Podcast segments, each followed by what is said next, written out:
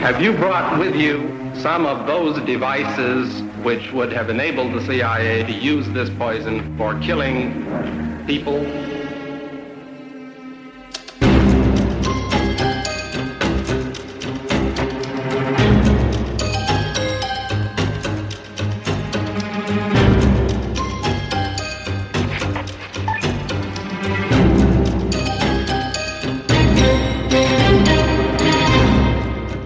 Danmark er jo et meget lille land med nogle meget, meget, meget små efterretningstjenester, der er jo, og det siger de jo også, de er jo enormt afhængige af samarbejde med nogle udenlandske efterretningstjenester. Og der ved jeg i hvert fald fra Blikkingade-sagen, at der samarbejdede man på det tidspunkt meget tæt med Mossad. Mm. De her daværende Mossad, Mossad-agenter så fortalt, at, at danskerne de var bare de der øh, nyttige fjolser, ikke? Øh, som gjorde hvad som helst, man bad dem Du lytter til det hemmeligste af det hemmelige. Et program om den kolde krigs hemmeligheder. Mit navn er Anders Christiansen, og med i studiet er dokumentarist Christian Kirk Muff. Vores gæst i dag er forfatter Peter Øvig Knudsen. Lars Finsen er sigtet for ni forhold, og de fire af dem handler om, at han skal have talt med forskellige journalister om statshemmeligheder. Det skriver Berlingske. Fire andre forhold handler om, at han har delt oplysninger om lækagesagen med familiemedlemmer og med en kollega.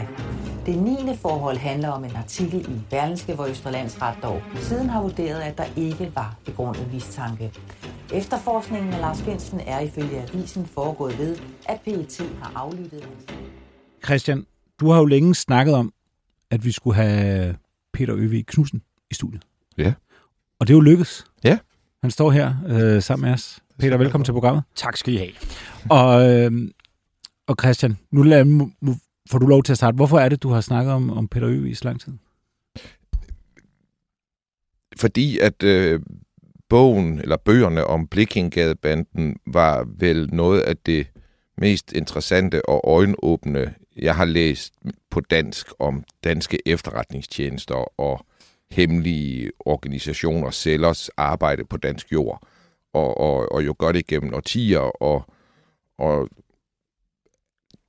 er sådan fuldstændig inde på vores plade i forhold til, hvad der er interessant. Det foregår også under den kolde krig, det her. Det er en del af hele det bagtæppe, det her det spiller sig ud på, og en del af motivationen for de her mennesker, der er i Blikkingadebanden, og noget, der knytter sig an til den ideologiske kamp i den kolde krig mellem marxismen, leninismen og kapitalismen, liberalismen på den anden side. Ikke?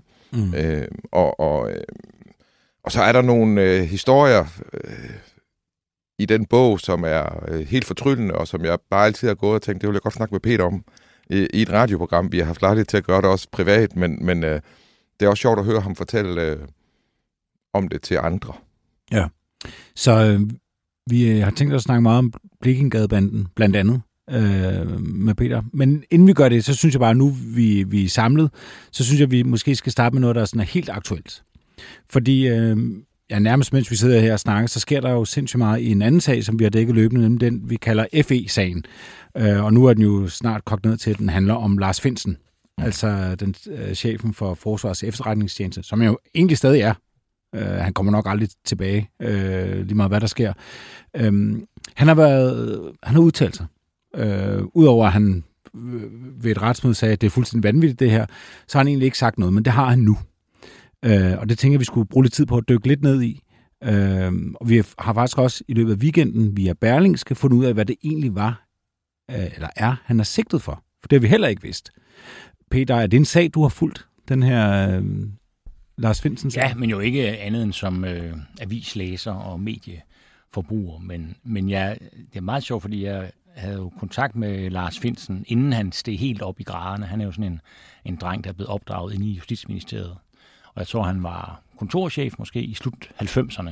Og der sad han åbenbart blandt andet med ansøgninger om adgang til hemmeligt materiale, som jeg afleverede en del af, fordi jeg skrev om modstandsbevægelsens likvideringer, og de var klassificeret. Mm. Og det var Justitsministeriet, jeg skulle spørge om lov. Så jeg har slåsset med Lars Finsen, og altså der er ingen som Justitsministeriet, der er fabelagtige til ikke at overholde reglerne om, hvordan sådan noget foregår. Altså de frister, de har til at svare folk dem, altså nogle gange jeg oplevede, at de har, hvor de har en måned, så har de måske brugt syv eller otte eller 12.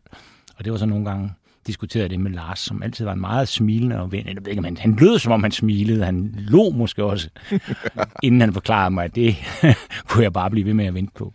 Han har ellers slået sig op for øh, mere åbenhed. Øh, når, når han udtaler sig om forsvars efterretningstjeneste, så har han stået for sådan den mere åbne linje. Han har faktisk sagt regeringen midt imod. Øh, da Nick Hækkerup snakker om, at overvågning er godt, så har han faktisk ude i Søren Lipper, tror jeg, på TV2 News og sige, øh, det, nu, vi skal, så meget åbenhed skal vi ikke have. Vi skal have noget åbenhed, vi skal have noget frihed for borgerne. Og sådan noget. Ja. Men det, det lyder Det er ikke... svært at vurdere, om, om han kun har det i munden, ikke? Øh, og dengang var han jo så heller ikke topchef, men jeg tror da alligevel, han godt kunne have fået sagerne lidt hurtigere igennem, hvis han havde, ja. havde haft det ønske. Men øh, skal vi dykke ned i? Først tager vi øh, de forhold, han rent faktisk er sigtet for. Fordi man har jo snakket længe om, det. der må være et eller andet, vi ikke ved. Altså siden det er med buller og brag, han blev anholdt i lufthavnen af sådan nogle specialstyrker, der normalt anholder terrorister, der er i gang med terrorangreb og, og så videre, så videre. Det var meget voldsomt. Mm-hmm. Og det var den 8. december øh, 21, at han, øh, han blev anholdt ude i, i Københavns Lufthavn. Forholdene de er som følger. Der er ni forhold, hvor tre af dem de er så bortfaldet, eller du kan sige, Østerlands ret har sagt, det, der er ikke noget at komme efter. Det er øh, to gange to samtaler med to journalister. Det er alt fire forhold. Altså en journalist har han talt med to gange, det er et forhold, og det er to forhold, og så en anden journalist har han talt med to gange, og det er så yderligere to forhold. Og det er to journalister på to større danske medier, hedder det. Vi ved ikke mere end det. Så er det fire forhold, der handler om samtaler, han har haft med sin mor, som er 84 år gammel, sin bror, sin kæreste, og så en mangeårig tidligere ven, kollega, hvor de har diskuteret FE-sagen herunder pressens dækning af det. Og der kan jeg sige, at øh, samtalerne med moren og broren, dem har Østerlandsret afvist. Der er ikke noget på. Men den med kæresten og den med kollegaen, de står. Og så er der så øh, et 9. forhold, der handler om en artikel i Berlingske, der hedder Hemmeligheden i pengeskabet. Den har vi talt om her i programmet, Christian. Det er den artikel, der er skrevet af min chef, Simon Andersen, i, øh, i Berlingske, der handler om, at øh, Clintons besøg øh, i København i midten af 90'erne, det egentlig handlede om at lave et, øh, en samarbejdsaftale om et, øh, et kabel, øh, som NSA kunne dykke ned i og tappe for dansk jord.